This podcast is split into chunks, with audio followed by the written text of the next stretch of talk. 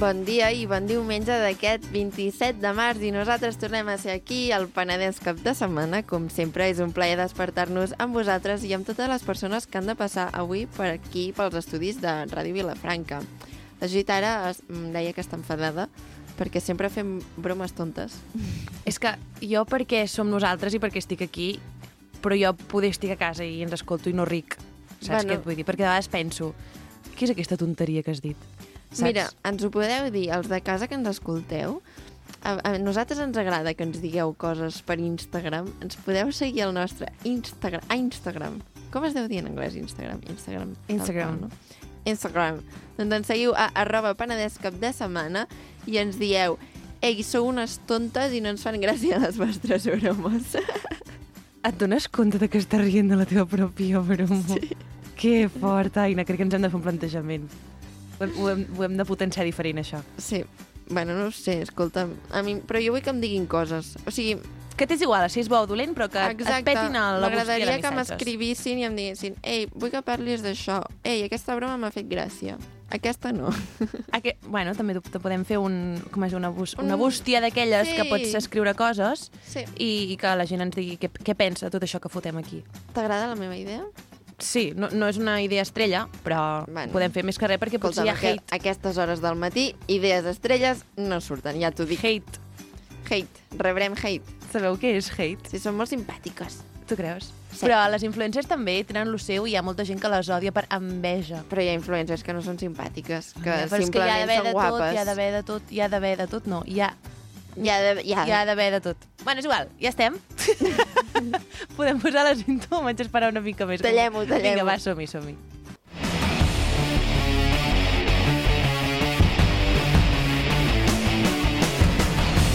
Penedès cap de setmana. El magazín dels dissabtes i diumenges a Ràdio Vilafranca.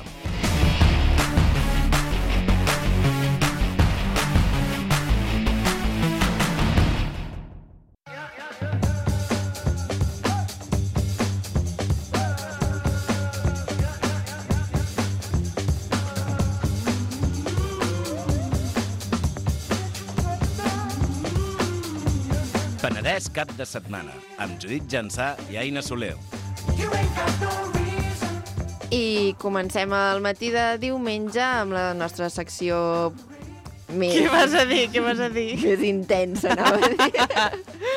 que és el quiosc amb el Bernat Martínez, que um, normalment ens fa una anàlisi de la premsa local amb aquesta, amb aquesta peculiaritat que té ell, i dic normalment perquè avui no sé què farà, perquè ens ha tornat a deixar plantades el Bernat, però el tenim al telèfon.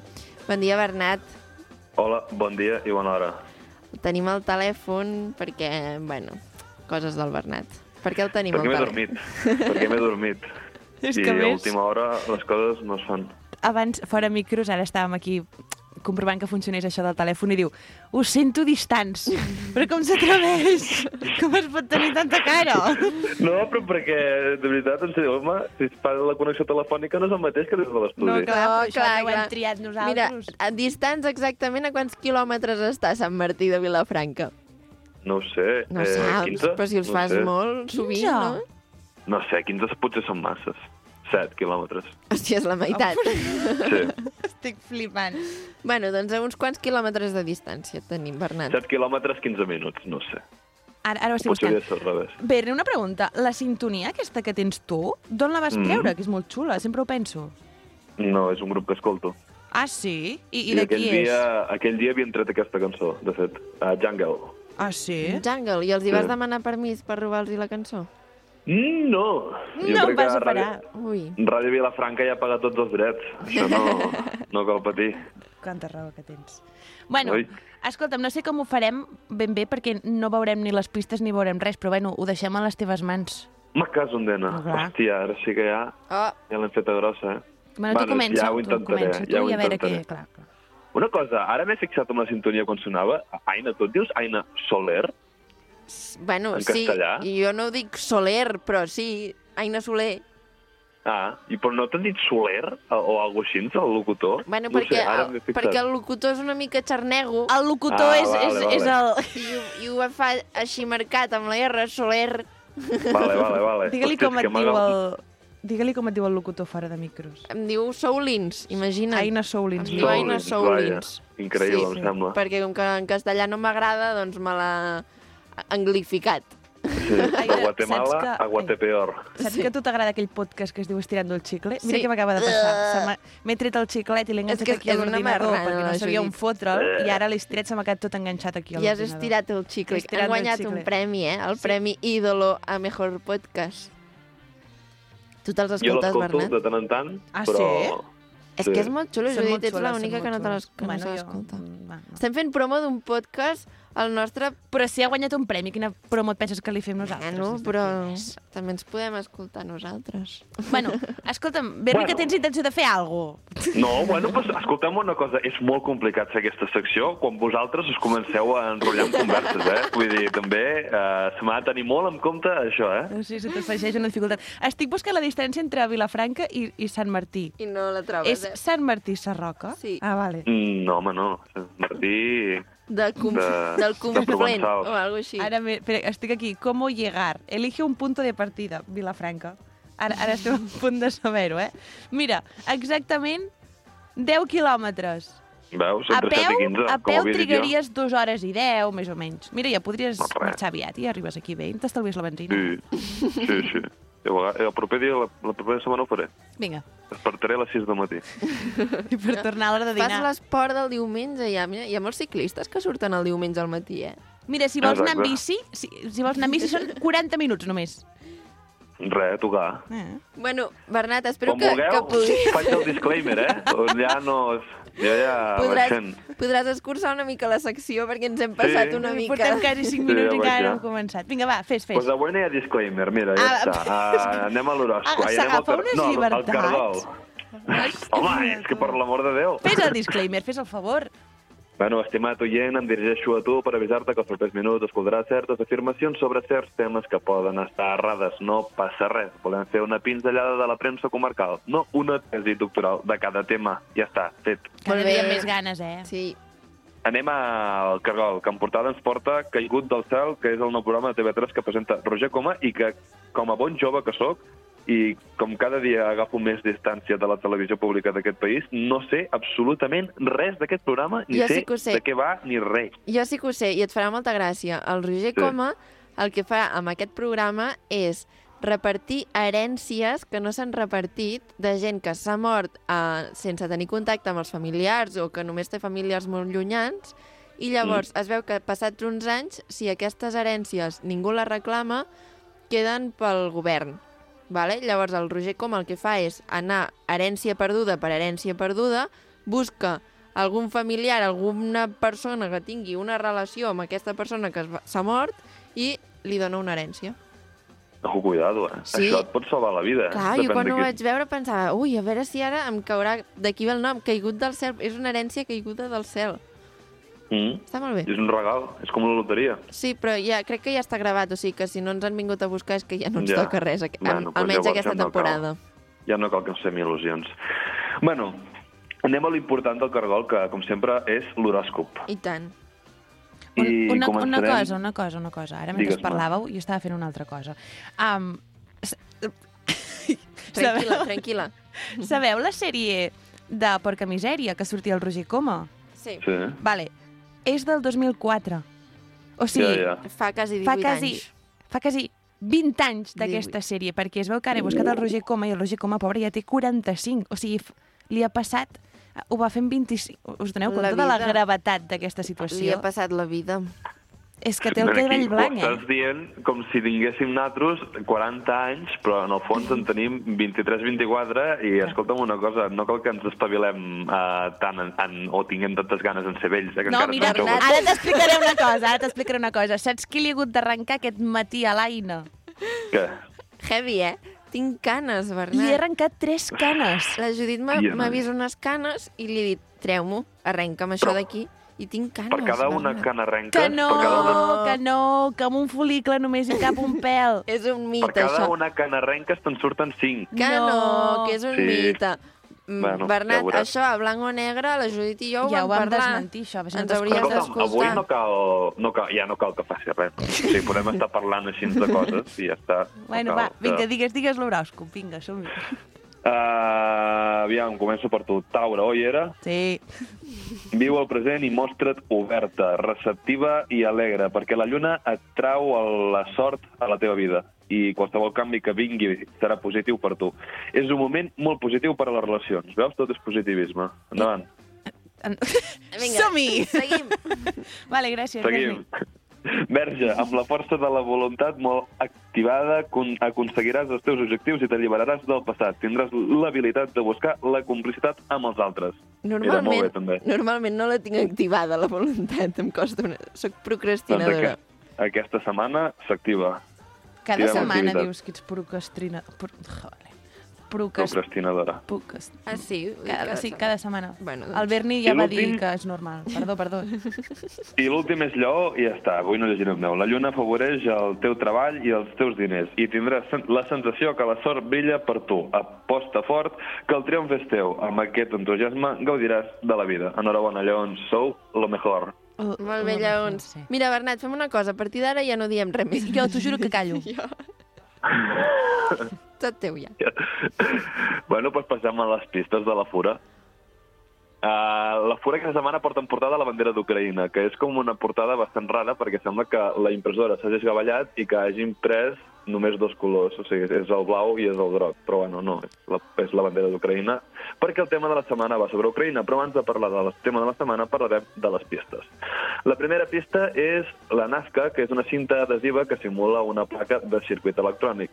El recomanen pels amants de la informàtica, però ja et dic que si ets informàtic i fas servir aquest celo, l'única cosa que enganxaràs serà el salivat, perquè, de veritat, és, un, és una cinta horrible, no val per res. És molt lletja. O sigui, és com si obrissis el telèfon mòbil i la placa que hi ha sota és la, és la textura que té aquesta cinta adhesiva. Els xips Però aquests. Què? Els xips. Sí, sí, són els xips, són els, els circuits, no sé, és molt lleig. No, no val la pena.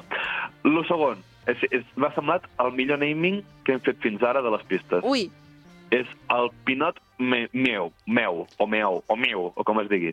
Pinot meu. És un vi per gats. I s'ha de reconèixer que el nom és força bo. oh. I per què és bo, no ho pillo? Per què, Pinot? miau. És pinot miau. Exacte, Pinot meu. Meu. Al meu gat no li donaré vi. Per Ah, què cada setmana que- surt el teu gat? No ho entenc. És el Bernat que em fa treure el meu gat. Perquè segurament les, el, els o les redactores de la Fura que fan les pistes eh, són uns enamorats dels gats perquè sempre posen pistes de gats i felins. Bueno, només li faltava això a l'espècie més pòtula del món animal, passar-se el dia fent el dropo i, a més, borratxos. Si la nostra intenció era convertir els gats en borbons, ho estem fent com el cul. Uh, després, sabons per pells reals. Això no és cap pista, és una campanya de màrqueting que si poses hashtag real soaps, real soap, soaps, o com es digui, jo en anglès ja sabeu que no és la meva especialitat. Són sabons? La Sí, són sabons. Pues soap. soaps vol dir pastilles de. De sabó no? Soaps, so, soaps. Vale, pues busqueu hashtag real soaps i veureu aquesta campanya que consisteix en visibilitzar tot tipus de pell. No sé, no sé què, no sé, mira, no hi he entrat, tampoc ho he buscat perquè penso, això de... Adobe l'única cosa que vol és vendre pastilles de sabó a Colòmbia i per això ha fet aquesta campanya, però bueno. Ah.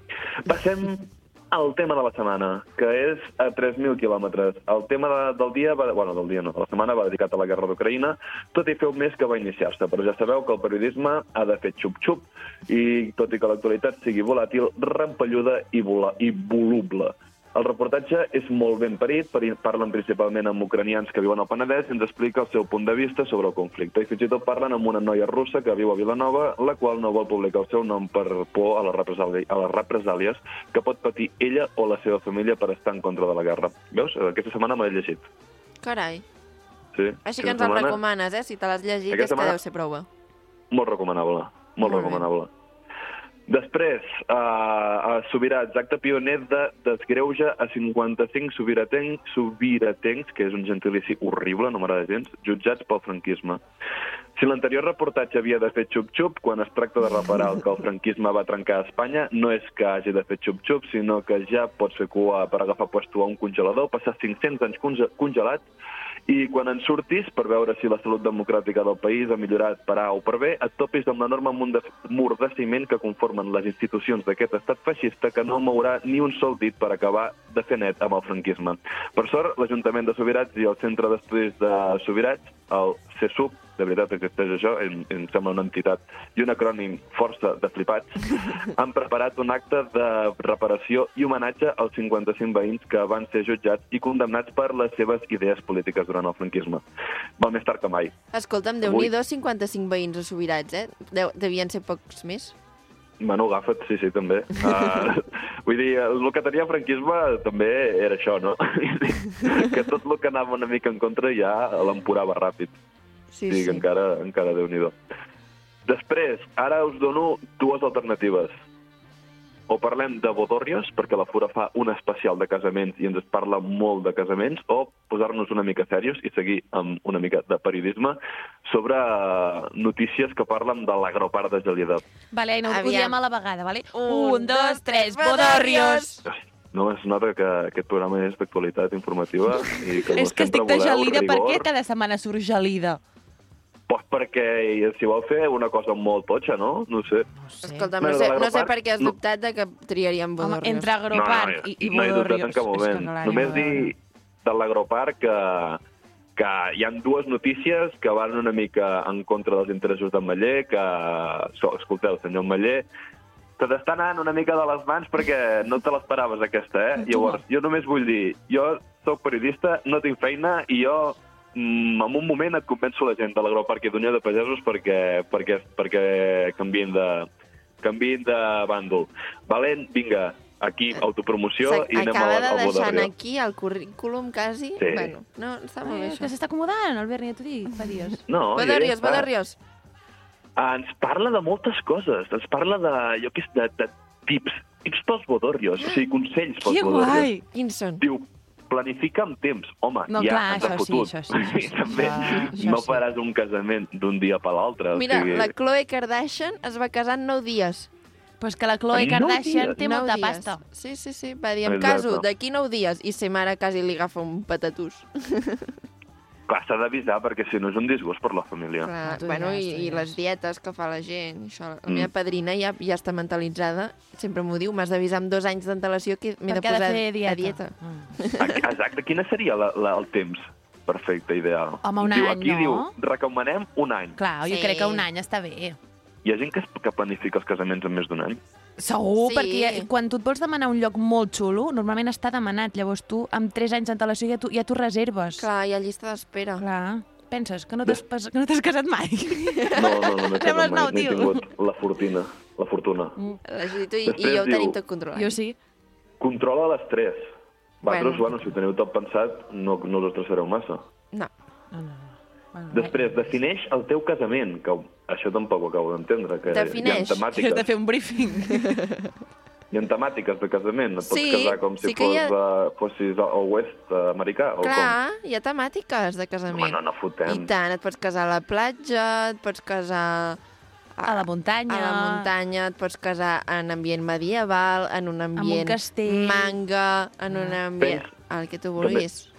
També diu, pensa en tots els convidats, cuida del teu càtering i de menú. Has de tenir un pla B, o sigui, si et falla un marit, que en tinguis un altre, o si et falla una nòvia, que en tinguis un altre, no, un Vols dir que que se refereix amb això? No ho sé. Jo diria que no, eh? Perquè llavors anules. Clar, si ho has de pagar tot tu sol... Bueno, No sé, diu que tinguis un pla B, per tant, has de tenir moltes alternatives. I bueno, cuida cada detall. Però també ens diu quines són les flors més utilitzades. Les roses, el gesamí, les peònies, les hortències. Les hortències Sí. són com molt antinaturals, no? Són blaves. Per mi les més maques... Bueno, el més maco és el gesamí, no? No, jo, al a meu hi haurà tota roses. Roses. Sí. els Clar, meus pares es van casar per Sant Jordi. I hi havia, hi havia Oh. roses, també? No, jo no hi era, no em van convidar. Saps què et vull dir? També hi ha aplicacions web, que hi ha aplicacions web, aplicacions mòbil que, que t'ajuden a planificar la boda, que això també... Un wedding planner. Ara pensava que hi havia aplicacions mòbil per fer zoom al teu casament, per si algú no pot venir, poder-hi ser a distància. Aina, tu coneixies una aplicació... M'ha semblat sentir que has dit el wedding planner. No, Ah. aviam, wedding planner És la senyora que persona t'organitza que t'organitza el casament. El casament. Sí, he dit Però hi ha senyora, una però... aplicació que es diu wedding planner. Bueno, segur, eh, perquè no vol dir s'han currat gaire no, el no nom. han pensat gaire. Clar. Després hi ha wet shots i hi ha thank you. Thank you amb Z, no amb, amb, amb de gràcies. Thank you. I my wet, que són... Tot, bueno, em sembla increïble. Bueno, My Wet és també és que el, el nom no se l'han currat gaire. I bueno, al final del reportatge doncs, són possibles destinacions de, de, de viatges de noces. lluna de mel. Hawaii, Bora Bora, Maldives, Bali, Grècia, Itàlia, bueno, lo típic. Bali m'agrada. Bali és Lo el meu. típic, per si tens una cartera on hi podries posar més coses que la butxaca del Doraemon, la veritat. Ja, Això sí que... Bueno, sí. Les Maldives Ah. també bé, també està xulo. Jo Bali. Passem al 3 de 8 perquè em sembla que ja estic molt fora de temps. No, oi tens, que sí? tens dos minuts. Tinc dos minuts. Bueno, Mm. farem el 3 de 8 en dos minuts. Aviam què diu el setmanari de Vilafranca aquesta setmana. Uh, ens diu, en, en portada ens porta moltes coses, sobretot una frase que destaca per sobre la resta, que és que diu és un patiment constant. I es refereix a una notícia que han fet sobre aquell vídeo que ha corregut com la pólvora de la baralla que hi va haver al carrer Sant Pere, crec que Oi, és, sí. de Vilafranca, sí. que no sé, o sigui, crec que li esteu donant molta corda amb això. Home, no, no, és que Vilafranca està molt malament. Vull dir, no sé si surts últimament de festa, però es veu que al casino um, et peguen. Gires no i et sortit mai peguen. Per Vilafranca. Bueno, Doncs- sí, sí que he sortit, però... Doncs sí, no, últimament, la... Últimament estan- no. Et peguen bastant. T'hi has fixat el vídeo, Em fa molta Bèrnica? que diguis et peguen. Que sí, però perquè... O sigui, ja no és allò de que et poses en un merder i reps. No, és que tu pots estar allà i, i reps. Sense fer. M'agrada molt que s'utilitzi aquesta, aquest mitjà de comunicació per augmentar l'alarmisme eh, a aquesta ciutat. Ves? Ves? Has vist que al vídeo de, del carrer Sant Pere tiren una taronja? T'hi has Sí, és fixat en i aquest detall? agafen, Poc se'n sí, parla. sí, sí. I porten una, Home, això una daga És molta corbada. calla, eh? Home, La daga aquella a mi em fascina. Sí. Després també, ojo, cuidado, bueno, jo ara acabo de criticar, bueno, acabo de criticar una mica endolçadament que s'augmenti l'alarmisme des d'aquest mitjà de comunicació, però és que la segona notícia que vull comentar és que uh, hi va haver un ferit per arma blanca en una baralla a la Rambla de la Girada. I jo ho vaig veure, jo hi era, jo soc testimoni de primera mà. Doncs ho veus com és que no, s'està tornant perillós Vilafranca. sí, sí, sí. Sí, sí, sí, sí. Jo, Volem el que el va- bronx. Tornava de sopar i em vaig trobar allà ambulàncies i Mossos que estaven davant de certa pizzeria que hi ha a la Rambla de la Girada, que tampoc cal exprimir-se gaire per Jo també vaig veure una baralla en aquella pizzeria. I, i, jo, i eh, amb la gent amb qui anava vam començar a fer hipòtesis de que s'havia annualat algú amb el calzone, de que s'havia mort algú per un atac de cor, però no, al final es veu que és molt, molt més terrible, que hi va haver una baralla i que van apunyalar algú. Però ja es va morir. No, Home, no, no ferit. va, van enviar a Ah, l'hospital i Ferit, ferit. Ostres, i allà van... Quins Home, favors. tenim uns professionals sanitaris al Penedès que bueno, No, no, salvarien tant, diràs, el, el John Fisher al Kennedy. Si bueno, últimament amb, amb apunyalades deuen tenir un màster, perquè... Sí, és veritat, també tens raó, estan entrenats. I, bueno, res més, esports. Guanya la violència, quarta catalana, i la martinenca pues, fa el que pot. Va guanyar el Barça a Madrid, com sempre, visca el Barça i visca Catalunya. Bo, mira, ja se l'ha marcat avui. Molt bé. Ja està. Doncs gràcies, Bernat. Um, T'esperem la setmana que ve aquí, als Sí, la estudis, setmana o no? que ve, presencialment, sí, sí. Gràcies. Ens ho promets? Me sabe, me sabe mal, us ho prometo que sí. Vale, Berni, gràcies. Ara ja prometo que fins final de temporada vindré, va. Vinga, va, a veure si és veritat. Apa, vinga, Adéu. Adéu.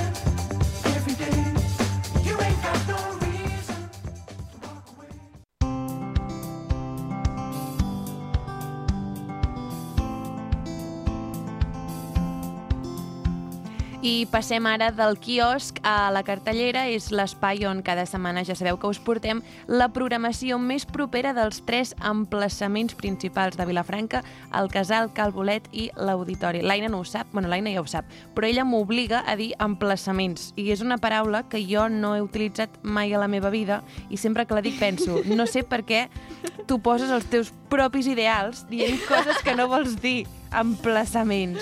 I jo ric quan ve perquè ja sé que no t'agrada. A mi se'm costa de I pronunciar. et queixes cada setmana. Sí, però Bueno. fora micros. Bueno, digues, digues el que hagis de dir. Doncs sí, uh, comencem amb la revolta dels contes, que ja en vam parlar la setmana passada. És aquesta pel·lícula que es fa el dia 27 de març a dos quarts de 12 al Casal i és una adaptació del best-seller de Roald Dahl, Revolting Rhymes, Per què rius? perquè no ho sé dir, jo, Ah, això. a veure com es, com es llegeix. Revolting Rhymes. Roald Dahl, aquest, no és el de la fàbrica de xocolata o alguna així? El, és el de... Sí, el de molts contes. Un cuento de Navidad i aquestes coses. Ah, so. Sembla que sí. Ara fot, potser l'he fotut grossa, No, no, però... jo he dit la fàbrica de xocolata i no tinc ni idea.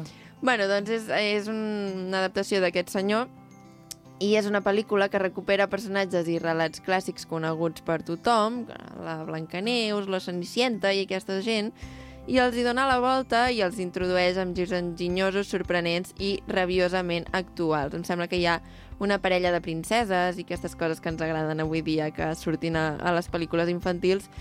I bé, doncs és una revisió moderna i políticament molt incorrecta dels clàssics de la literatura infantil per nens i nenes desperts i intel·ligents a partir de 7 anys.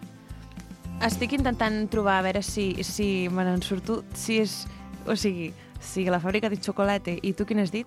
A, a Christmas Carol. I a Christmas Carols és del... No, crec que és de Charles Dickens, Christmas Carol. Una cosa, aquest senyor està mort. I no és el Roald Dahl. Fa 30 anys que es va morir. Bueno, doncs li han adaptat ara, ves, la pel·lícula. No, no. Ah, mira!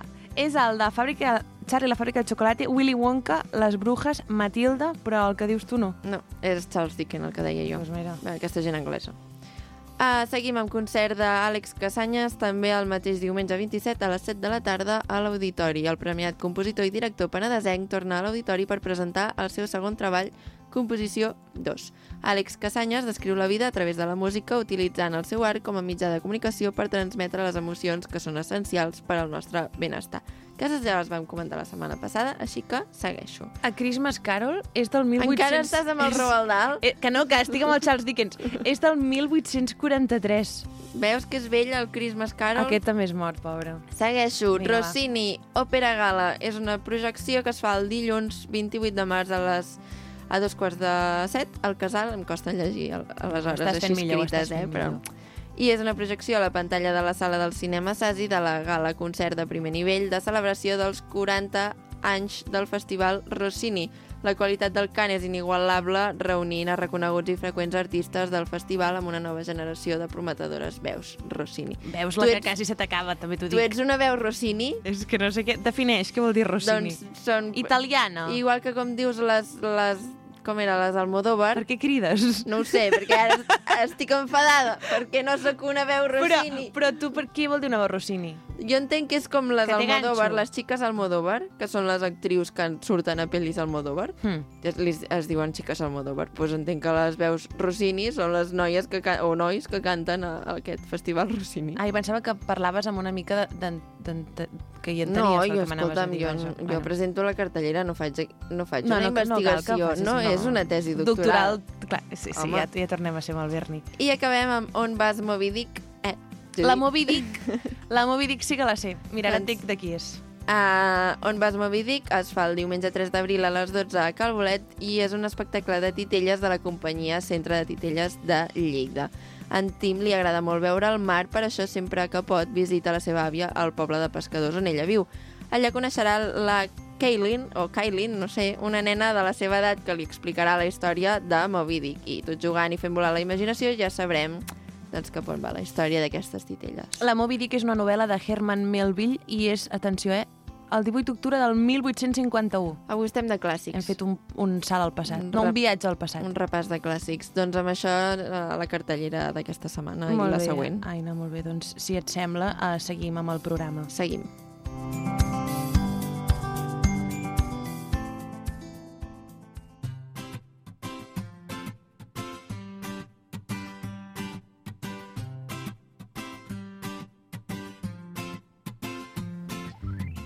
I amb això passem a la secció de connexió establerta, una secció on cada setmana parlem per telèfon amb algú sobre algun tema d'actualitat, algun tema d'interès, i aquesta setmana tenim al telèfon a una persona que ens explicarà moltes coses molt importants i molt interessants a dia d'avui.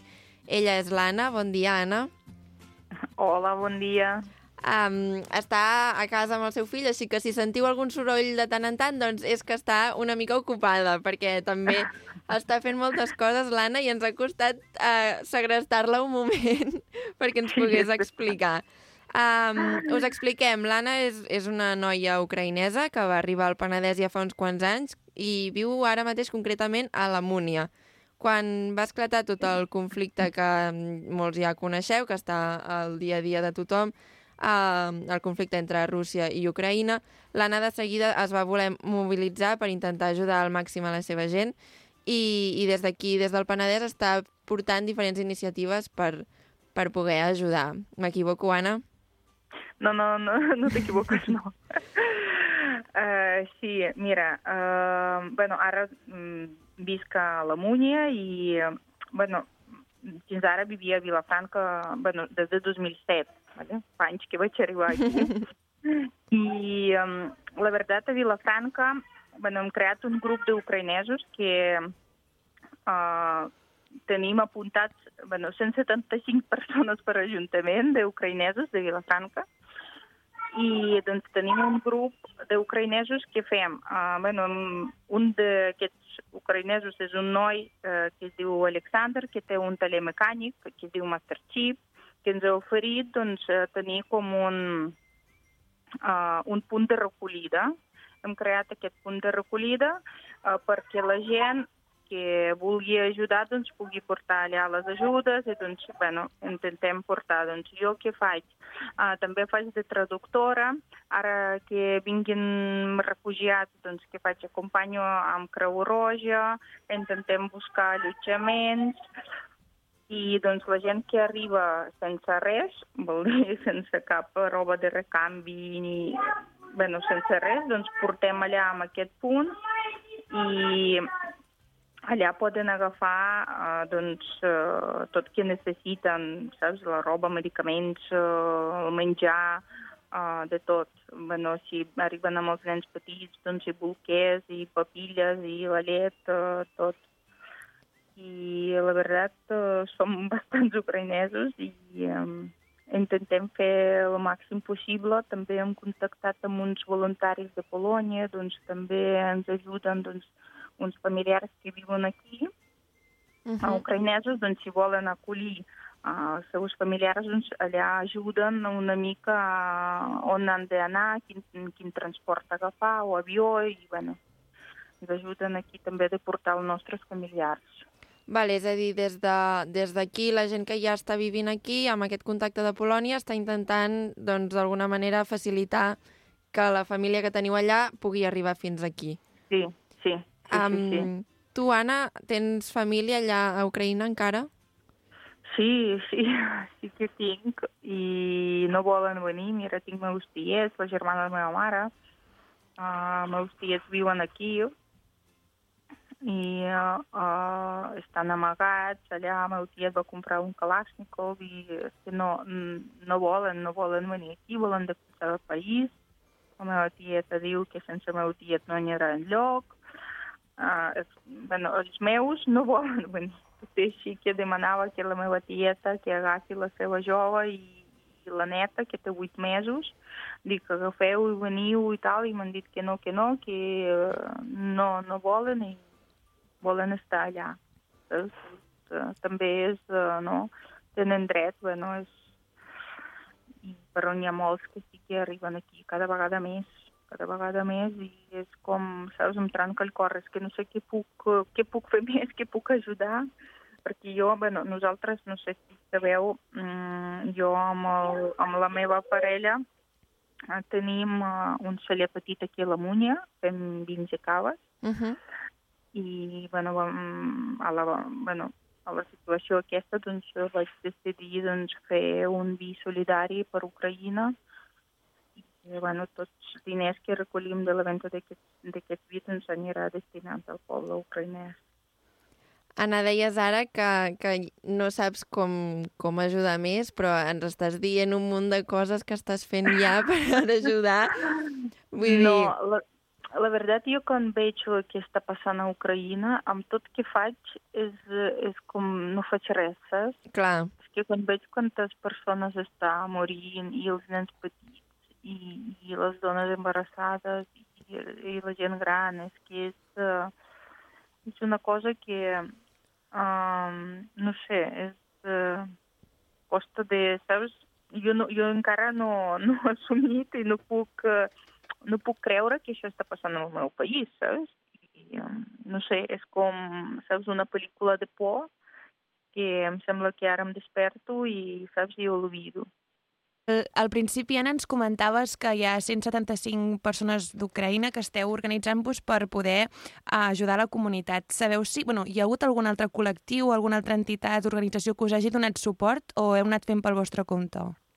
Uh, la veritat, bueno, mira, vam anar per nostre compte, però a la gent de Vilafranca ens han fet suport la gent, vol dir, la gent del carrer, no? La gent civil.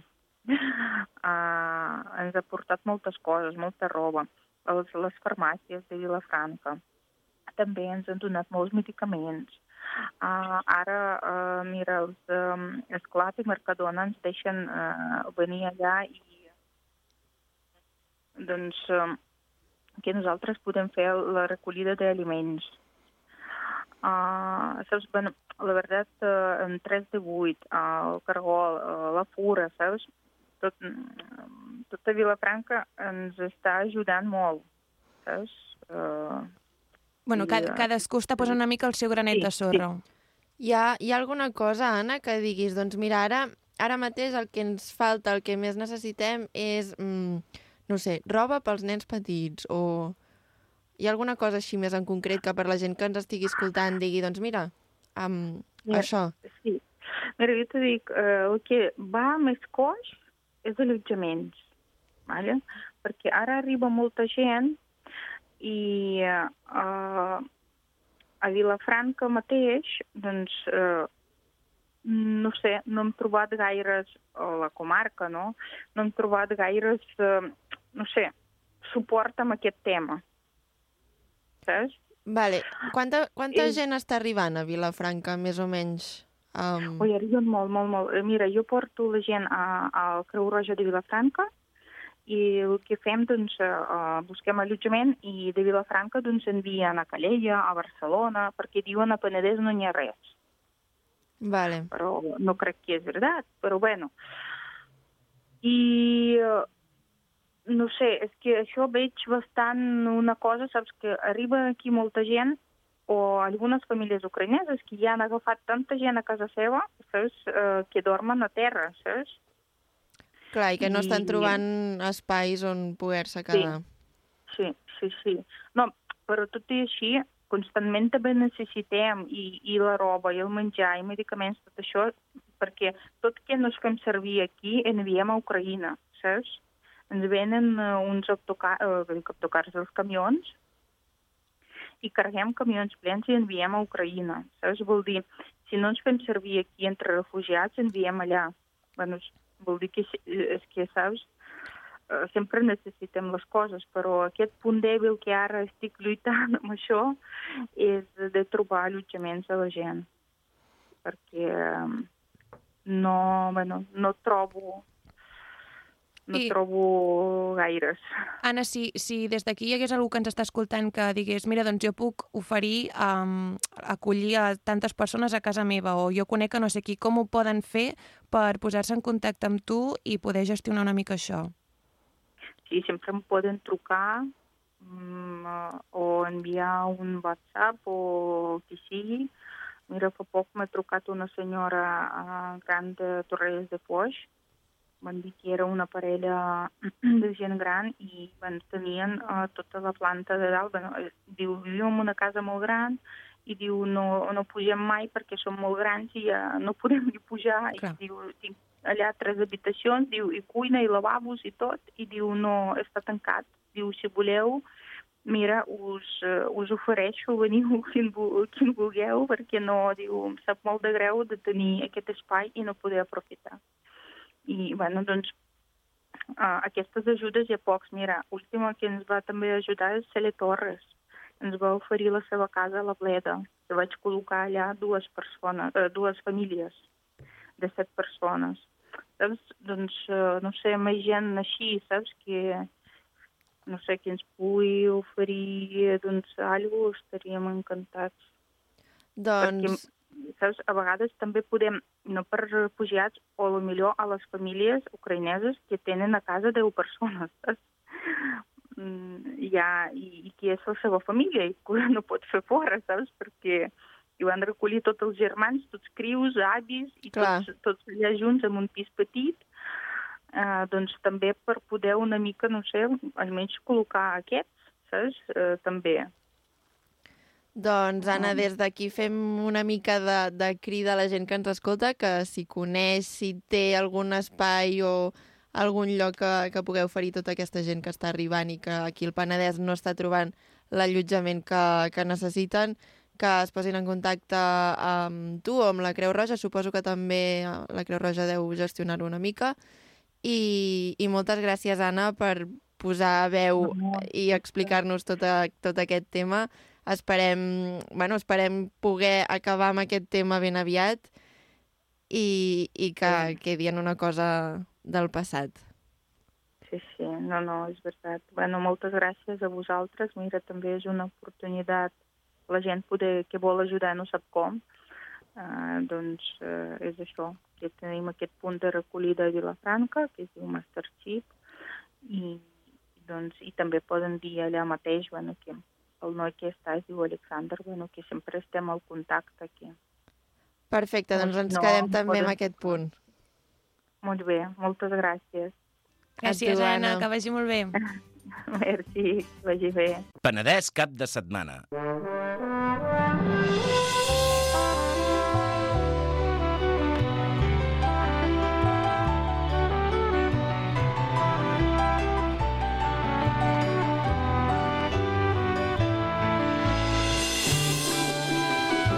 Al Penedès estem envoltats de cellers i de persones que ens enriqueixen el territori. Cada diumenge rebem un celler diferent per descobrir la seva història, qui s'amaga darrere dels vins i escumosos que elaboren. Avui tenim als estudis a l'Oriol Burdaló, que ens ve a parlar del celler Montrubí, un celler situat a l'Avellà.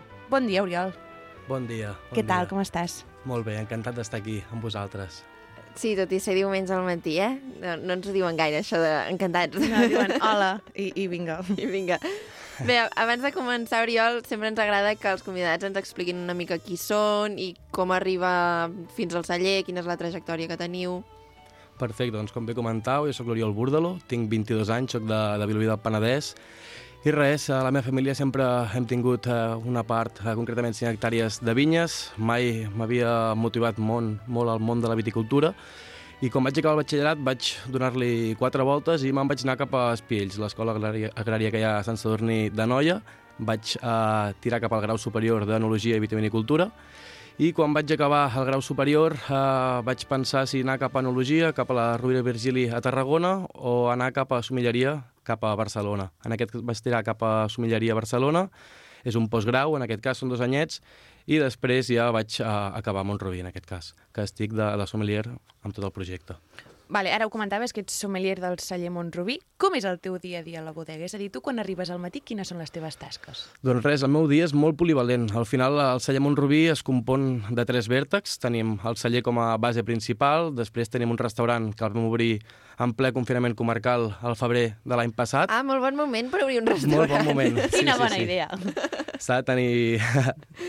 I després eh, tenim a l'hotel. L'hotel és molt nou, vam obrir justament al, al setembre, també molt bé quan va acabar l'estiu, però estem tenint molt d'èxit. Uh, justament com vam obrir un altre cop després de les vacances a principis de gener, l'hem l'hem omplert. Cada cap de setmana són nou habitacions i una suite i estem supercontents. Al final, amb això que comentàvem, no? tenim tantes coses, s'han de fer uh, treballar a l'hotel, s'ha de treballar al restaurant, s'ha de treballar a bodega i és bastant interessant, no? Treballar moltes coses diferents, s'ha de ser molt polifacètic i també és molt motivador perquè no sempre estàs uh, de cara a, al restaurant. En aquest cas, quan arribo al matí, el que fem és provar uh, tots els vins que tenim a, a les neveres. Ah, de bon matí, eh? De bon això? matí. Al, al final provem els vins, però escopim. Sempre s'ha d'escopir. Al final un sommelier és superinteressant uh, provar que estiguin bé, que no estiguin passats, però al final sempre s'ha d'escopir ja que al matí, si no, si provéssim moltes referències, no aniria bé la cosa durant el dia, en aquest cas. Jo quan era més petita, i, i no fa tant, eh, tampoc, jo pensava que,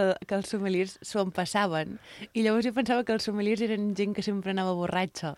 Em va costar molt entendre que no que s'escup, i llavors jo pensava, i llavors per què el proven si l'han d'escopir? M'ha costat, costat molt de temps entendre això. Al final, al principi, no, quan, quan comences a estudiar sommelleria o els estudis relacionats amb el món de, del tast, uh, sempre fas la gracieta, no? en aquest sentit, estàs amb els companys de classe, proves potser en un dia 20 referències i acabes bastant uh, perjudicat, però al final potser l'important, aquesta quan estàs tastant i quan portes ja moltes classes, l'interessant és que t'entri el líquid no, a la boca, que puguis uh, controlar acideses, puguis controlar alcohol, puguis controlar els torrats, frescors, volums, i després quan tens tot controlat ja tirar-ho cap a fora. Al final, potser en una classe, normalment, potser provàvem 40 referències. I de cada referència has de fer un text escrit, pàgina a pàgina, i, clar, si provessis tot, no, no aniríem pel bon camí, en aquest cas. No, no surten les El, referències. el 18è ja la, la lletra no seria la bona lletra, ja faríem No, no, faltes, no. eh? I mm, per què és important la figura d'un sommelier en un celler? Al final és molt important la figura d'un sommelier o un celler, sobretot aquí en aquest cas a- al restaurant també, per unes quantes raons. La primera raó, al final, un sommelier és el que t'explica el vi quan està acabat d'elaborar. L'enòleg al final fa el treball d'elaborar-lo i t'explica el vi des de que és most fins que acaba la fermentació, però un sommelier t'ha d'explicar el vi, te l'ha de transmetre perfecte perquè el públic o perquè el client el pugui entendre. No? Al final hi ha molt sommelier que comença amb paraules molt rebuscades, que busca molts tecnicismes, i jo sóc dels que crec que no anem enlloc. Així, al final, el client... Gràcies, el, gràcies. Ens agrada la gent així. Al final, el que hem de fer, no? el client el que ha de fer és entendre el producte que tu li ofereixes i que el sàpiga valorar i que pugui dir, hòstia, doncs mira, jo li trobo aquesta poma verda, o li trobo vainilla, o li trobo xocolata, i al final jo crec que ens entenem no? parlant clar i amb paraules bàsiques i no explicant maceracions carbòniques, explicant autòlisis del llevat, que al final el client es queda igual i crec que no anem cap a, cap a aquest camí que, que no és gaire correcte, penso. Sommelier és uh, una paraula francesa. Correcte. I té traducció al català? El català no té traducció. Es sommelier. Sempre correcte. Al final, en castellà sí que només canvia la O per la, per la U, però no hi ha cap paraula en català. Hi ha molta gent que potser diu cambrer de vins, Ah, sí? Però no hi ha la traducció exacta per, per al sommelier, en aquest cas. Has vist? Ja m'he après una cosa nova. Doncs sí. Sí, sí, sí. Bueno, al principi ho comentàvem que el vostre celler està ubicat a l'Avellà. Correcte. Llavors, què destacaries del territori on teniu aquestes vinyes? Doncs és bastant interessant la pregunta que m'has fet. L'Avellà el tenim eh, situat a uns 550 metres. Al final, a la plana del Penedès estem des dels 200 fins als 350 aproximadament. I què vull dir amb aquests 550 metres? Al final ens canvia tot. L'altura, la climatologia i al final el celler, després imagino que ho parlarem, però nosaltres tirem més cap a negres que cap a blancs. Al final el Penedès està compost, no? sempre hem apostat més per vins blancs i per espumosos, doncs nosaltres no fem espumo, no fem cava i els vins blancs és el que fem menys. En aquest cas, això és degut a la climatologia, és degut als 550 metres i sobretot als sols, al terroir. El terroir que tenim a, a la Vallà, concretament a la, vall de Font-rubí, és bastant diferent de, del Penedès, en aquest cas. I això ens denota uh, unes composicions dels vins superdiferents i per això també tirem cap a les varietats negres, en aquest cas. És un poble de 50 habitants, o sigui, la gent ara, a poc a poc, la Vallà es va revitalitzant, a poc a poc el va coneixent, que era un poble quasi, quasi abandonat, uh, la població, la mitjana, va dels 70 anys cap amunt, i ara, després del Covid, molta gent està tornant a revitalitzar el poble, ja que s'estan descentralitzant no? i estan tornant a viure als petits pobles i estem a 20 minuts de Vilafranca, estem aquí al costat. Ah, mira. Molt bé. Repoblar això. Bé, I suposo que també la vostra activitat fa que al, al final aquest poble També. tan petit s'acabi coneixent una mica més. Correcte.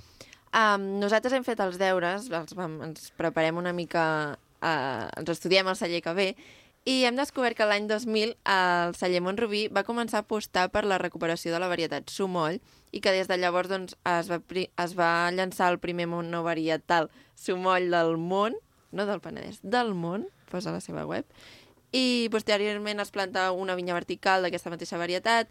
Què té d'especial el sumoll, amb diferència de les altres varietats més conegudes aquí al Penedès? Al final, com bé comentes, nosaltres el 2001 eh, vam estar fent una recerca eh, sobre aquesta varietat. La varietat Sumoll és una varietat autòctona del Penedès.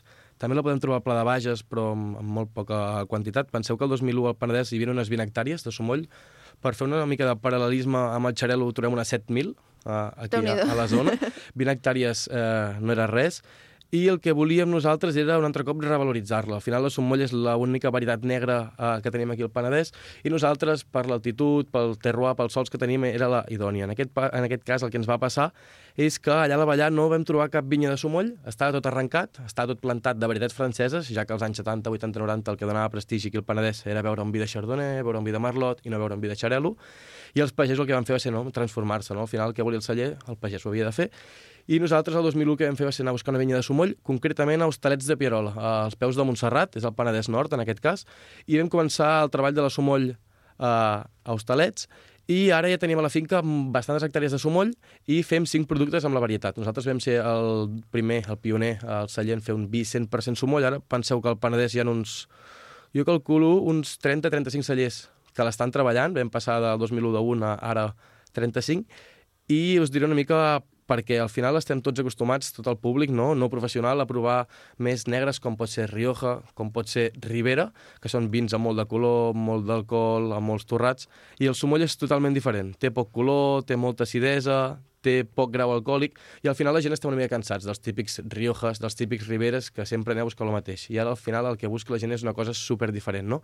I amb la sumoll ho trobem. La sumoll al final el que, el que ens indica i el que podem trobar és un vi negre totalment diferent i un vi autòcton de la zona. Per això ara molts ja estan plantant i ja està ficant molt de moda, aquí al Penedès i en tot el món, en aquest cas. Abans, abans has parlat de terroir.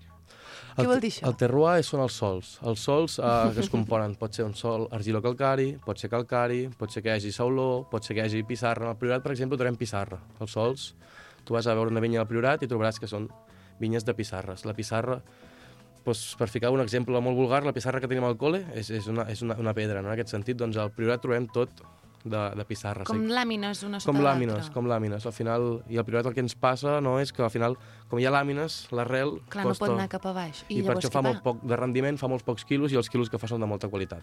En aquest cas, al Penedès, la majoria és argilo-calcari, argilo i calç, els que trobem a la, a la plana del Penedès. Nosaltres tenim sols molt diferents. Com estem enmig d'una vall, tenim una part que és molt argilosa, tenim una part que és calcària, tenim una part que és molt pedregosa, i al final també ens ajuda molt a fer vins molt diferents, i això quan tastes un vi ho notes. Al, al, al final, quan proves un vi, per dir un exemple, no? de, del massís de, del Garraf, notes aquest punt salí que vol dir que està al costat no? de, del mar, i el terroir al final són els sols, són les composicions de, dels terres, en aquest cas. Mira, que aprenc coses noves cada dia. Tu, tu has vist, eh? Quantes coses que aprenc? Sí, eh? Sí. Avui molt bé, això. Gràcies. Deies ara que, que teniu sis varietats, ah, eh, sis um, vins? En tenim 5 de sumoll i en total tenim 15. Tenim 15 productes, no fem cava, com us he comentat. La història ràpida de Montrubí, explicada en quatre paraules, vam començar el 84, el projecte, vam començar a fer cava i vins amb varietats franceses. Al final, als anys 70, 80, 90, al Penedès el que es feia era això que us estic comentant. I l'any 92 va arribar als Jocs Olímpics, va arribar l'èxtasi, va arribar el boom del cava, quan es va conèixer internacionalment hi va haver un problema al Penedès, que els grans cellers produïen molts milions d'ampolles i els petits cellers no podien competir ni per preus ni per uh, producció. Molts cellers van tancar les portes i nosaltres ens vam reinventar. Vam passar a fer caves i vins amb varietats franceses, només fer vins monovarietals amb varietats de la zona. Al final tenim 15 productes i eh, 13 d'ells són monovarietals. Monovarietals el que us vull dir és que són d'una sola varietat. En aquest cas treballem amb macabeu, xarel·lo i parellada, que són les tres varietats blanques clàssiques del copatge cava, i de negres treballem amb la sumoll, que és la nostra varietat icònica, i tre- treballem també amb la garnatxa i la carinyena, que la garnatxa i la carinyena són varietats clàssiques del litoral mediterrani, que les podem trobar des de l'Empordà fins a Andalusia, en aquest cas. Intentem que la gent conegui les pureses varietals de les varietats autòctones del Penedès, en aquest cas. I on es poden comprar aquestes ampolles? Nosaltres estem eh, repartits per molts, molts, molts llocs. Ara estem eh, aquí a Vilafranca, no sé si puc dir... Eh, Pots dir. Pots puc dir dir que tu restaurants vulguis. o... Al final, eh, Sí, perquè le- si l'hem de provar hem de saber on hem d'anar. doncs, per exemple, eh, el tenim a Calton, el tenim al Convent, estem a l'Àngelus, tenim al Golinzòlia, també a, en botigues estem a moltes distribucions de, de botigues, a, al final estem a molts restaurants, però nosaltres sempre el que vam fer va ser exportar cap a, cap a l'exterior. La nostra major producció eh, la tenim a fora, ja que al final aquí hi ha molta competició i també hi ha al final molts cellers. No? I vam decidir marxar cap a fora, que la gent conegués els productes de Montrubí i els productes autòctons de la zona, en aquest cas.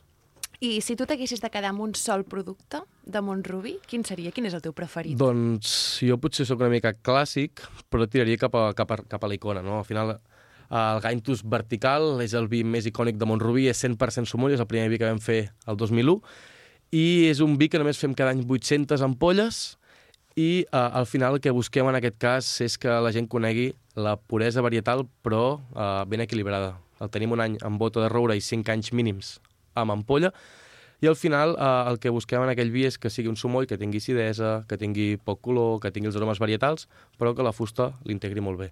És el vi clàssic de Montrubí, el vi icònic, però al final va ser el primer sumoll i és el vi potser més reconegut internacionalment d'aquesta varietat, en aquest cas. I és el que ens has portat avui per explicar-nos? No, us he portat el germà petit. us he portat el Gaintus Radical. Uh, tenim un projecte que es diu Gaintus, vale? aquest nom que és una mica enrebaçat, aquest nom el que vol dir és una via d'escalada al Pirineu. L'anòleg és escalador i uh, el 2001, quan va començar aquesta aventura amb el Sumoll, va buscar una paraula clau. No? Al final, el, el projecte Gaintus el que busquem és que evolucioni aquest punt, no? com l'escalada de millorar i de revaloritzar la veritat Sumoll. I en aquest cas, uh, el projecte Gaintus es, es tenim el radical, el vertical i el sobremadurat. Us he portat el radical, com el nom indica, aquí el que busquem és que la gent conegui el sumoll tal i com és, amb tota la seva puresa. Aquí treballem amb ceps super joves i amb barriques molt velles. En aquest cas és 2018, és el vi més jove que tenim de sumoll. Al final el sumoll és una veritat tan rústica que si tu el fermentes i el treus al mercat és molt herbaci, té molta acidesa i costaria veure. Al final el sumoll el que estem veient tots, no? els cellers, és que ha de calmar-se i l'hem de mantenir en ampolla un temps, perquè evolucioni. I aquí el que busquem és això que em comentava, no? que la gent conegui el sumoll tal i com és, és un vi que el pots treballar amb qualsevol cosa, al final els negres no sempre hem dit, un negre el treballem amb una carn, un blanc amb un peix. Doncs la sumoll trenca els esquemes, també, no? I és superinteressant. Al restaurant, per exemple, la fem servir... Jo quan faig els, els maridatges la treballo amb mil coses. Per exemple, avui l'he treballat amb un llenguado. El llenguado al final és un peix blanc i eh, sempre la gent tiraríem cap a un vi blanc, no? Doncs eh, o un risotto o una cosa especiada. És superinteressant perquè el sumoll al final té poc color, és un vi que a cegues molta gent em diu, hòstia, que és un vi blanc. Dic, no, és un, és un vi negre però té tan poc cos i estem acostumats a negres amb tanta potència que, que ens anem cap a, cap a una altra banda i és un vi super fàcil per, per maridar i agrada molt a la gent. La gent la té desconeguda aquesta varietat, però cada cop ens anem cap a que la, la coneixen més. Judit ens ha contestat totes les preguntes. És que, és que, eh, vaig a dir una cosa. L'Aina i jo tenim aquí el drive i tenim aquí les preguntes i estem parlant pel drive i li he dit, Aina, que ens ho ha contestat Cap, cap problema, ho podem, ho podem, No, no, tenim fer... moltes més Està- preguntes, està bé, tenim està molt moltes bé. més preguntes. Ah, farem la que ja, ja sabem què ens diràs, sí. però en quin moment és el millor moment per veure aquest vi? Ara dirà, en qualsevol Sempre moment. és un bon moment. Uh, en qualsevol moment, bueno, jo al final sóc molt també dels vins, cada vi té el seu moment, no? Però també us diré en qualsevol moment que eh, tens raó en aquest sentit, però et diré que al final buscaria una cosa que no fos super pesant. El sumoll al final és una veritat que és molt lleugera, que és molt fineta, que és molt elegant i té molta acidesa. L'acidesa al final el que ens fa amb els vins i amb el menjar és desengreixar la boca. La part greixosa que deixa el menjar amb l'acidesa del vi el que ens fa és netejar per complet. I jo el que buscaria és un treballar-la amb menjar o treballar-la sola sense res de res. No en aquest sentit, anar als extrems. Al menjar buscaria una cosa que no fos super pesada i uh, podríem treballar el que comentàvem, no? amb espècies, podríem treballar amb risotes, amb peixos, amb, amb potser amb carns blanques, i uh, si no, fer una copeta... Jo recomano més, és més d'estiu que d'hivern, per mi aquest vi. Mira, això no ens han dit Això mai. no ens ho havien dit mai, eh? Perquè al final potser buscaria un vi negre amb molta extracció, molta potència, molta fusta, i aquí eh, ens anem cap a una cosa més fineta, més elegant, un puntet també de temperatura més baixa, els vins al final els negres estem acostumats no, a que siguin del temps, i jo el sumoll és un vi negre que el deixaria un puntet també abans de mitja horeta a la nevera. Allò, un toquet, perquè amb un puntet de fred també li queda superinteressant, en aquest cas. Ens ho apuntem. Sí, sí, Ara sí. ens ha trencat els esquemes. Ah, Oriol, ara torno a canviar una mica de tema. Al principi ja ho has mig mencionat. Um, teniu una important activitat d'enoturisme al Correcte. vostre celler. Uh, teniu wine bar, teniu restaurant, però és que a més a més, ara ho deies, que teniu també un hotel. Correcte. Com, com es combina l'activitat d'un celler amb, a més a més, l'activitat d'un hotel? Doncs és super interessant, ja que al final estem tots uh, imaginant-nos que l'enoturisme és anar a fer la visita al celler, provar els vins i anar cap a casa. I nosaltres el que remarquem és que fem un enoturista, enoturisme perdó, gastronòmic. Al final nosaltres, uh, el nostre pilar és el celler, però el xalet és on tenim el restaurant, on tenim el wine bar, on tenim totes les, les activitats, és on treballem. El que fem primer eh, de tot, amb totes les activitats, és anar a veure el celler, expliquem el celler, expliquem les vinificacions, expliquem la geografia i una mica la història de Montrubí, i seguidament tenim moltes propostes eh, enoturístiques però gastronòmiques. Al final podem fer el tast típic de sis productes de Montrubí, el podem maridar amb formatges i embotits, després ens en anem també cap a un menú degustació que tenim set passes de plats amb set vins al restaurant. Si la gent no vol estar potser al restaurant, tenim un altre que és un pícnic, que us donem una cistella amb una ampolla de vi i tenim una zona de pícnic a, a la finca de, de Montrubí. I a l'hotel, l'interessant, no? aquest, aquest punt d'aquests tres vèrtexs per fer la piràmide, molta gent que, que es queda a l'hotel ja busca aquest enoturisme i té aquest punt de dormir, aquest lloc idíl·lic que és la ballar, i després ja fa les activitats enoturístiques, d'estar al restaurant, de visitar també al final el Penedès, no? Vilafranca, li diem molts racons de, d'aquí de la zona, com a curiositat, al final, la, quan anem al roombook de les habitacions, doncs, tenim com els pèlegs de Vilobí, tenim el castell de Sant Martí Sarroca, tenim també eh, Vilafranca, que vinguin a visitar quatre cosetes, ja que ara cada cop ens està venint més client eh, internacional i això també eh, ens dona vida i ens agrada que, que vinguin a, a la Vallà, en aquest cas. I comentant un altre cop, retornant a lo de no turisme, estem aquí al Penedès poc acostumats a combinar no? hotel, restaurants i bodega, ja que sobretot a la Rioja o cap a França s'ha treballat molt, però aquí al Penedès sempre ens ha costat arrencar una mica, no? Al final, els joves del Penedès sempre no han anat cap a, cap a les ciutats a fer cerveses o... i ens ha costat també que vinguessin cap als cellers a fer només una copa de vi o, o fer una ampolla, no? I ara, per sort, molts cellers del Penedès estan treballant en aquests projectes enoturístics i molta gent jove està venint a, a les bodegues que fa 10 anys era una cosa que no, no passava pel cap. Molt bé, Oriol, doncs amb això ens fas un recordatori de xarxes i web per la gent que vulgui venir, reservar i mirar tot el que teniu a Montrubí? Correcte. A la web de Montrubí ho trobareu tot. En aquest cas trobareu eh, totes les experiències enoturístiques, enogastronòmiques, trobareu també un apartat de l'hotel, on trobem també les tarificacions, trobem els preus. Cap a l'altra banda, on podem anar és explicar també a, a l'hotel, eh, veurem també eh, les disponibilitats, i també eh, a la web tenim explicat els projectes enoturístics, eh, les opcions que hi ha, eh, la carta del restaurant, al final també tenim un restaurant, no?, eh, que és una part eh, molt important de, del celler, i eh, trobarem eh, a l'Instagram eh, arroba a Montrubí. Trobarem també eh, quan pengem els menús entre setmana. Nosaltres obrim de dimecres a diumenge, divendres i dissabtes nits treballem perdoneu, divendres i dissabtes treballem per les nits i uh, dilluns i dimarts tenim tancat. Uh, a la web ho trobareu tot, tenim uh, Instagram i el, número, el número de telèfon el trobarem també a la web de Montrubí, en aquest cas. Doncs perfecte, moltes gràcies, Oriol, i ens quedem amb aquest, um, com es deia? Gain... Gaintus Radical. Gaintus Radical pel sorteig de la selecció de- d'aquest mes de març, que sortirà ja dilluns. Tenim el Gaintus Radical de Montrubí. Què més tenim, Judit? El... Ostres, ara em pilles, eh? L'Eraví, que no té nom. No. El, aqu aquell noi tan El simpàtic... de la Malvasia de Que... Sitges. I aquell, aquell noi que volia que la teixíssim el- amb ell, com es diu? El Rubén. el Rubén com es deia? Parera, que ens va portar Ah, de Finca Finca Parera, uh, també la seva ampolla. Uh, estigueu atents a les nostres xarxes socials. El, aquest dilluns mateix ja sortirà la selecció per fer aquest sorteig. Moltes gràcies per venir, Oriol. Ha sigut un plaer, moltes gràcies.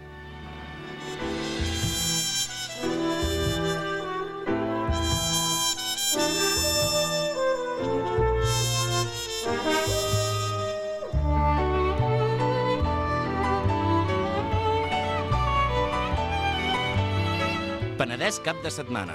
El magazín dels dissabtes i diumenges a Ràdio Vilafranca.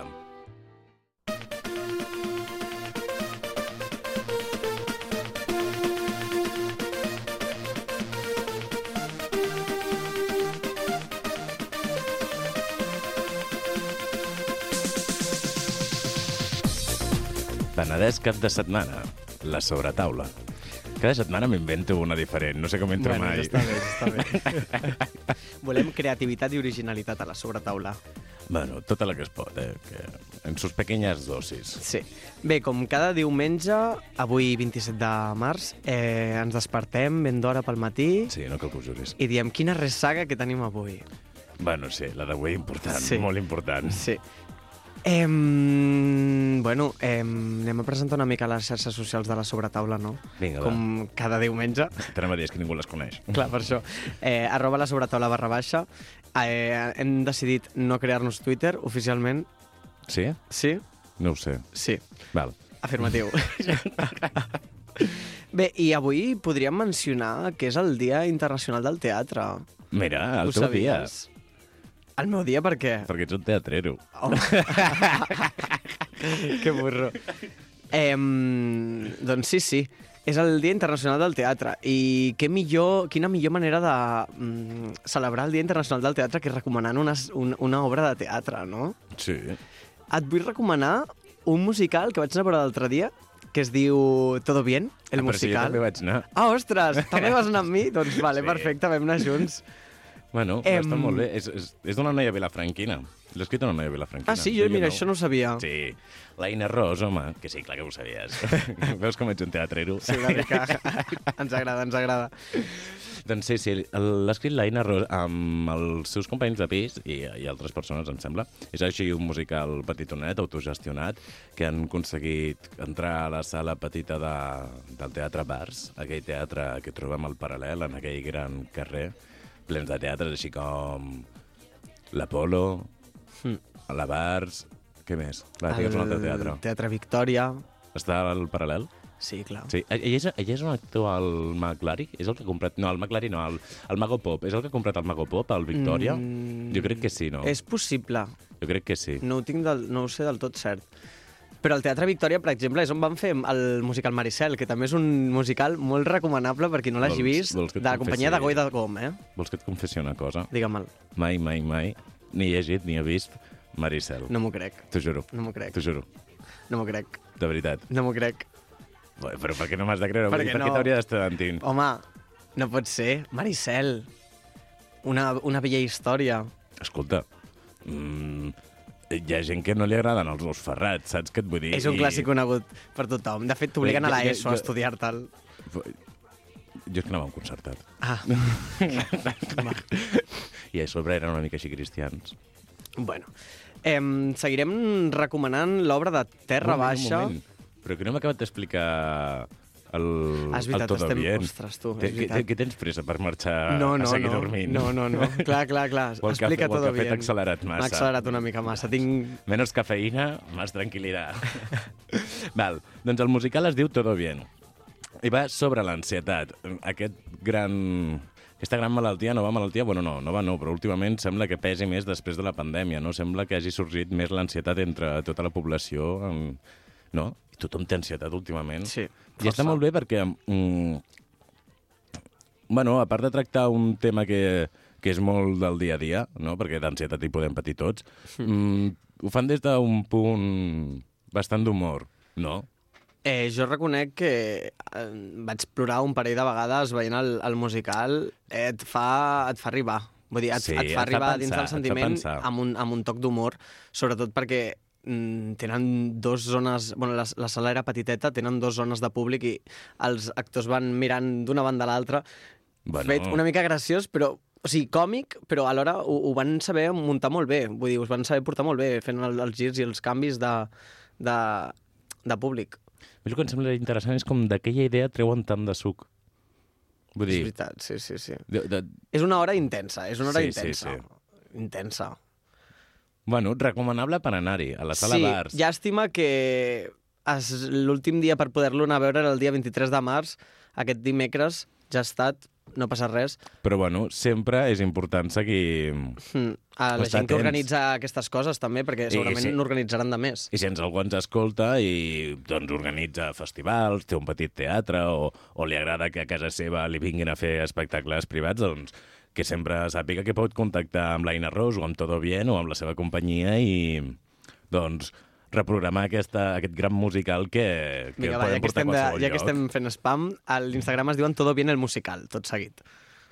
Mira, que àgil, eh, con el portàtil. És que no et veu la gent, però aquí al Bernard el tenim... Sí, no, jo estic amb una pantalla darrere del micròfon mirant-ho i comprovant-ho tot. Qui porta, qui porta el programa realment és el senyor Bernard, perquè si no això es desmuntaria per tots costats si fos per part meva. Vindria i només xerraria com... Va, home. Vinga, jo us porto una altra obra que... On la portes? La porto apuntada i preparada. Ah, pensava que la portaves d'algun lloc, dic, ara de la bossa traurà Tu em portes les idees. Val. No, us vinc, a, us vinc a recomanar una altra obra de teatre. En aquest cas no és un musical, és un... recomanar... perdó, Després perdó. comentem sobre el sample pad que volem comprar. es diu Set d'amor, és una obra, mm, podríem dir petiteta, es Bueno, la fa una sola, una, petiteta. una sola dona. Sí, sí, però té molts personatges, Sí, eh? sí, no, no, no, però em refereixo a nivell elenco, no sé, no no se m'acut ara mateix el, la paraula en català, ja ens la recomanarem en Com has dit? Elenco. Elenco. A mi tampoc em vendria la paraula en No, català, no? El repartiment, potser. Pot ser. A, a quin teatre dius que es fa l'obra Set Al d'amor? Teatre Neu. I... I... Teatre, teatre Neu. Teatre neu. Teatre a neu. No, Teatre Neu, com teatre, Teatre- i neu, però tot junt. Ah, vale. Està, està per Gràcia, a... no me'n recordo exactament del carrer, però bé, va d'un va de un grup de dones que busca, busquen parella en una mena de... Has anat mai a un speed dating? Què? Un, és com... Un speed, cites, cites un speed ràpides. Va, va, un, va una mena de programa en el qual li troben parella i... Bé, Però has, la- dit, has dit speed dating? Speed dating és el speed concepte com la droga i dating de... de cites, sí. sí. Val. Bueno, no, speed com ràpido i... Val. I bé, aquesta, aquesta dona, que és una meravellosa dona que segur que té molta experiència en teatre, eh, interpreta set personatges, set, don set dones diferents, d'una de Manresa, una de Tortosa, una de Terrassa... No, la de Sabadell era molt graciosa. Ai, la, la que tenia la, Sí. la rostisseria de tota la sí, vida, de no? tota la vida. No, però home, no em facis spoiler. Home, no passa res. Em, I bé, eh, mitjançant una sèrie de preguntes que, que se li fan a, als personatges, se'ls de, se defineix no? com la seva personalitat. I bé, és molt graciós perquè interactua amb el públic amb, de manera... Al final de l'obra acaba fent com... Què acaba... Ah, bueno... no, no cal que expliquis el que fa al final de l'obra, no? que potser no té gràcia. Sí, bueno. Bueno, que és, que és Però una es obra molt tracta de interactiva. saber que amb qui se n'anirà, amb, qui se amb, qui, amb, quina, amb quina dona t'acabaries anant de les que has vist. Jo, jo vaig decidir que no me n'anava a cap. No? Ah, no me n'anava a cap. No me n'anava... Ostres, amb el no me'n- castellanisme aquesta setmana. Ens està costant, no passa res. Jo vaig decidir que no m'agradava cap, finalment. És, lo, és el que vull dir. Llavors, o no vaig fer alguna bé a l'obra o l'obra no estava preparada per mi. L'obra no estava preparada per tu. Tu creus? Sí, la teva intel·ligència era superior. Eh, mentre parlàvem, és que jo sóc així una persona molt, molt multifunciones, no? I, i he buscat ràpidament elenco en català. I he ficat el senyor Google perquè és fins on jo arribo, eh? Sí. Ficar el senyor Google elenco en català i a veure què sortia, no? I què ens diu el senyor El Google? primer, el primer que em surt és el traductor de Google, que sempre em fa molta gràcia, no sé per què. Llavors, espanyol, elenco, català, elenc. Elenc. La segona, la segona definició... Un moment, que segueixo mirant, no he mirat tant, Bernard, em sap greu. Val. Em, també hauríem de rec recordar que avui s'ha canviat l'hora. No sé si t'ha costat més aixecar-te aquest matí. És que a mi em costa aixecar-me tots els matins. Soc d'aquelles persones. Ets d'aquelles persones... Jo he estudiat sempre de tardes. Quan he pogut, vull dir, en la formació obligatòria no, perquè no pots escollir, no, però a partir de què pots escollir... Bueno, la veritat vaig començar amb el grau mitjà a, a, a estudiar de tardes perquè em va tocar així i ja em vaig acostumar i així lo hice. El curs pont el vaig fer de matins i no anava, perquè s'havia de matinar. Bé, he buscat a enciclopèdia, enciclopèdia.cat i sí, elenc és correcte per dir elenco. Sí, és perfectament correcte. És, sí, T'ha donat igual, veritat, que no sàpiga matinar. sí m'ha donat molt igual. em sento dolgut. No passa res, Joan. Em sento poc escoltat com a company, poc comprès. Jo Va. faig, ara mateix faig una crida aquí, des de, ràdio, ai, des de Tele Vilafranca, a totes les persones que els hi costi despertar-se, que envien un missatge a la sobretaula, perquè el Bernard vegi que és una cosa important a tractar, perquè no saps lo malament que ho passem els que ens costa despertar-nos. Va, ja et deixo, ja et deixo. I bé, ara us anem a recomanar una cançó. Oh, sí, una canció. Va, la recomanes tu o jo? La recomanes tu. Tu? Sí. Tu? Tu? Tu? Tu, és, tu és tu? Tu sóc jo? Va, la recomano jo. Eh, doncs la cançó se'n diu eh, Julia Roberts i és una versió de, de, del Canca i el niño de la hipoteca. Bueno, és una versió que el, és, la cançó és de Rafa Pons i la canten amb el Canca i el Niño de Hipoteca. Ah, val, perdona. Sí, que és un directe. extraterrestre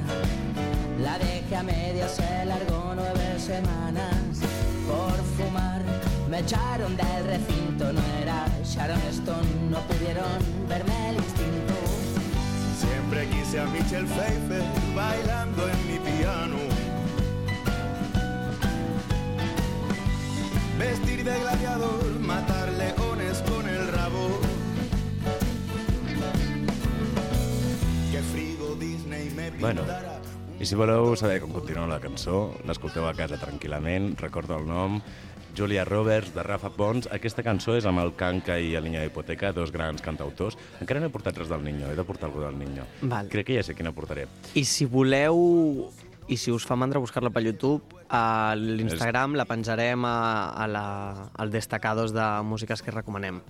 Ah, mira que bé. Sí. Que bé que ho fa, eh? Sí, que bé que ho faig, perquè dedico hores, eh, preparant les xarxes socials de la sobretaula. Val, vols saber què m'he preparat jo en els 10 minuts? De, Va, sorprèn-me. De saber que no tenien convidat i vindre aquí.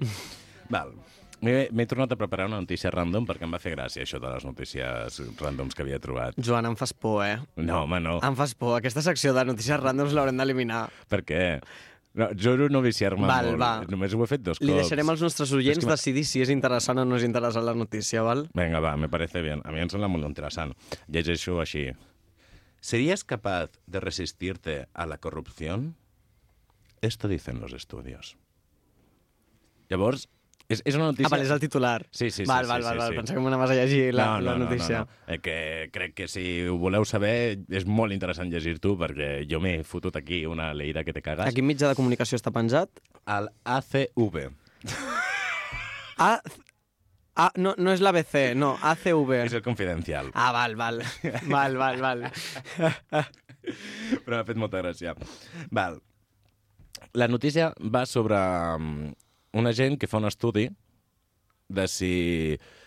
De, de què depèn sobre una persona si arribaria a ser corrupta o no. Val? Per fer aquest estudi van col·locar càmeres secretes i micròfons per tot arreu, que no, que no, que és broma, home. Van agafar...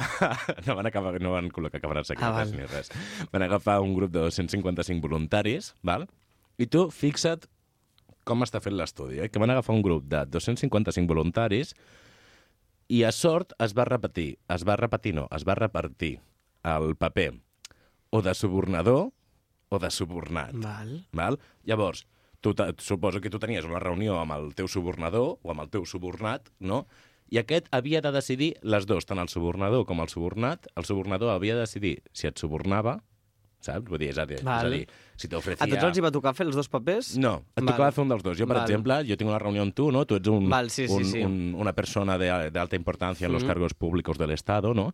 I jo vinc aquí i tinc una reunió amb tu. Llavors jo puc decidir. Jo decideixo, eh? Si et suborno o no, val? i tu decideixes si ho acceptes o no. Tot això et fica que és un joc.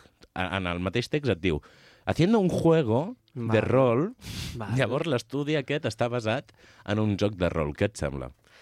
Doncs, dues coses. Primer de tot, em sembla... Un, Un em sembla xiste, La, no, no, no. La notícia no em sembla random, o sigui, em sembla una bona notícia. És interessant en si, sí. Sí, sí, sí. sí. Segon, m'agrada molt que treguis temes d'actualitat. La, la corrupció dins dels La- la- partits crec polítics. que la corrupció és, és una actualitat eterna en la nostra sí, societat. Sí, no, per això, però m'agrada portar coses d'actualitat i coses útils. I l'experiment aquest sociològic, psicològic, em sembla molt interessant. A mi em sembla de poca fiabilitat. Resultats, saps Sí, quins sí, sí, són? t'explico, ara Ah, val. t'explico. Però em sembla, vull dir... Val, perquè llavors tu decidies, no? I en, el, i en, el, i en la notícia expliquen que el, la conclusió de l'estudi és que eh, depèn sempre dels valors que tu tinguis. Quan més arraigats tinguis els valors i més Val, sí, clar, fidel clar, clar. siguis els valors, mm, menys probabilitat de subornar o acceptar un suborn tens, saps? En plan...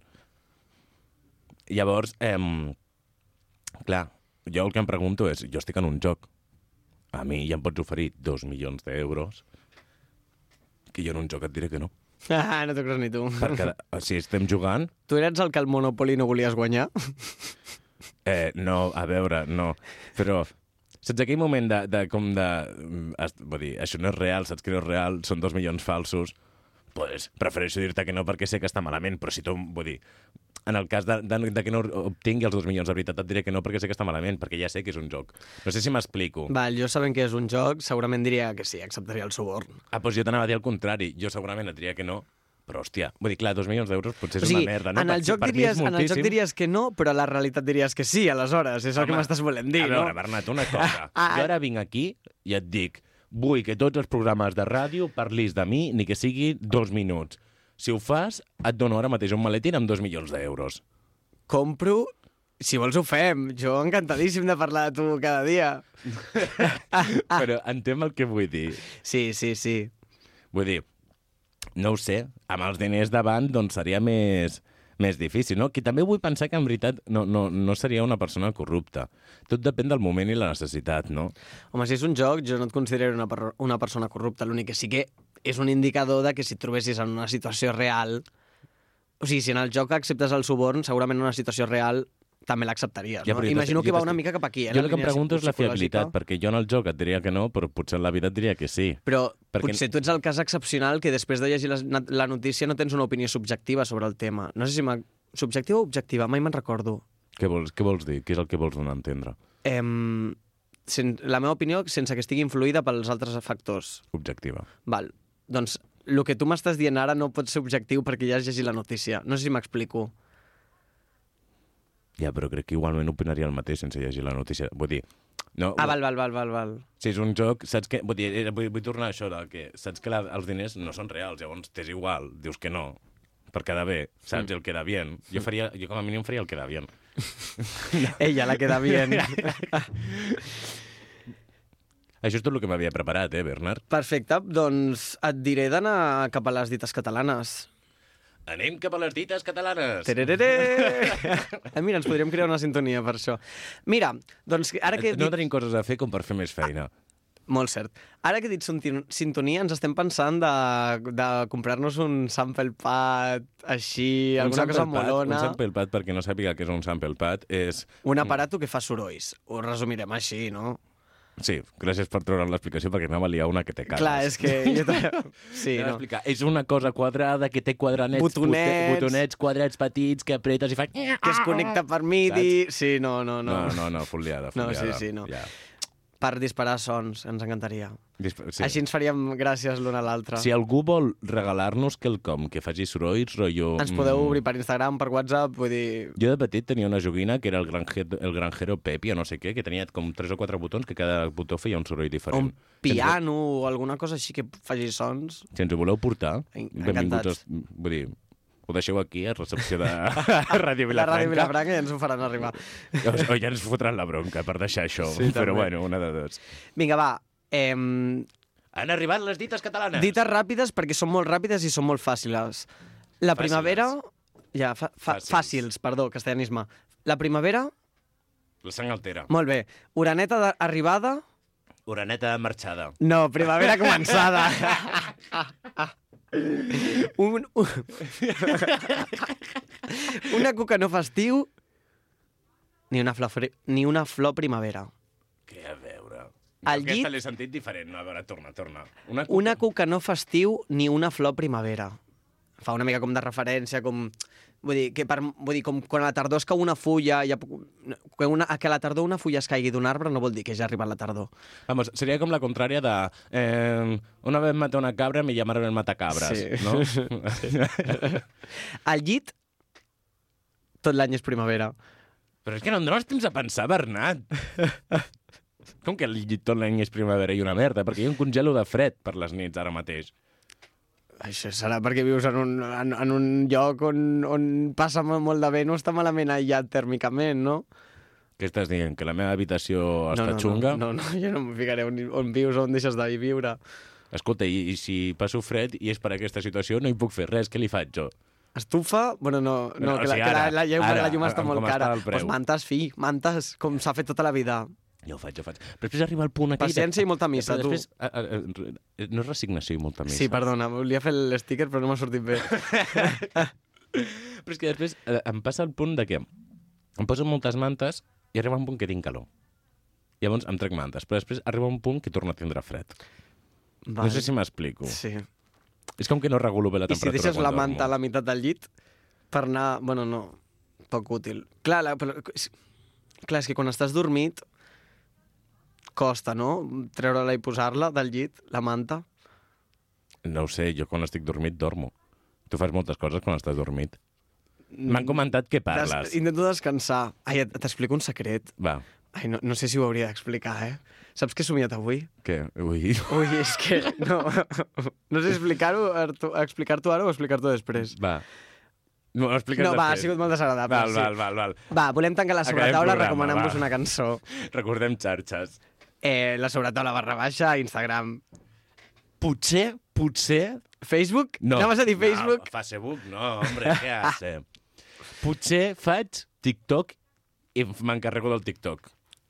El Joan serà l'encarregat de fer els reels. Mira, diré una cosa, TikToks. només faig TikTok si l'Aina Soulins, l'esperit de la tieta de l'Aina Soulins, se'ns invoca i fa una coreografia amb la cançó de la Veneno per al TikTok. Vinga, va, firmem. Però que sigui per la sobretaula. Firmem. Vale? Esperit de l'Aina Soulins, esperem que escoltis això. I amb la cançó... Ah, doncs acabem amb la cançó de Pequeño Vals Vianés de Sílvia Pérez Cruz. És un acústic gravat especialment a YouTube amb un guitarra que es diu Pájaro, que mm, la veritat és que toca molt bé. I és una cançó preciosa que anteriorment eh, havia estat cantada per el pare d'Estrella Morente, que es diu Diego Morente, em sembla, o Antonio Morente. Ara no me'n recordo. Jo tampoc, Que Joan. malament. Som una mica Nadia Sabenada que venim aquí mm, no Sense preparar-nos al programa i què aviam què traiem de, de la manga. Ens mica. fora aquest ritme. Bueno, Pequeño Vals Vianés. Sílvia Pérez Sílvia Cruz. Pérez Cruz.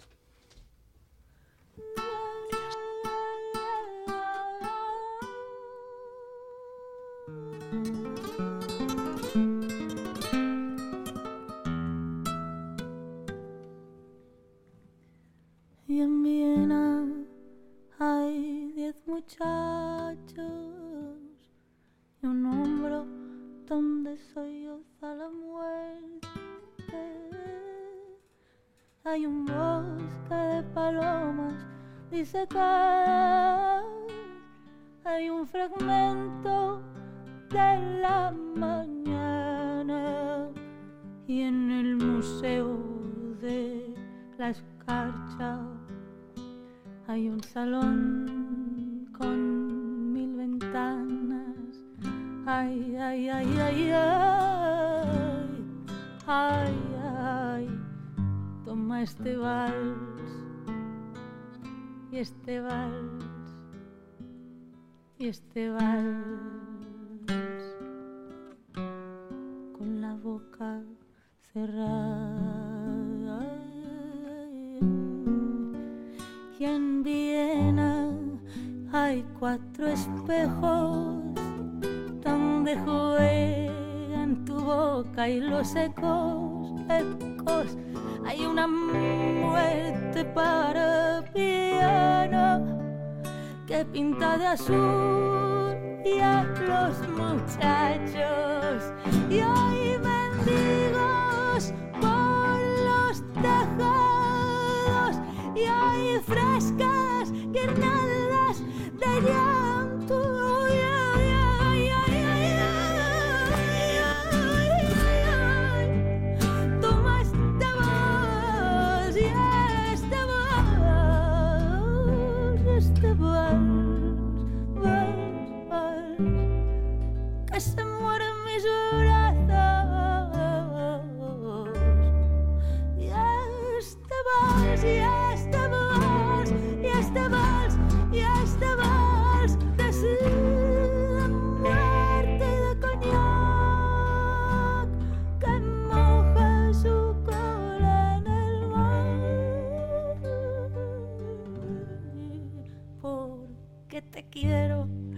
quiero, amor mío, en el desván donde juegan los niños, soñando viejas luces de Hungría, por los rumores de la tarde tibia, viendo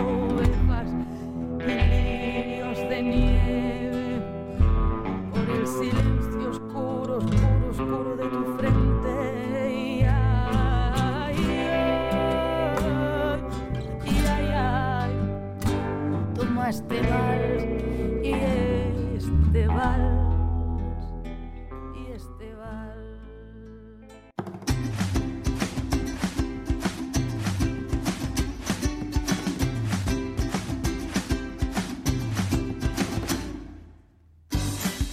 I amb aquesta sobretaula tan interessant ens acomiadem del programa d'avui diumenge i ens escoltem la setmana que ve.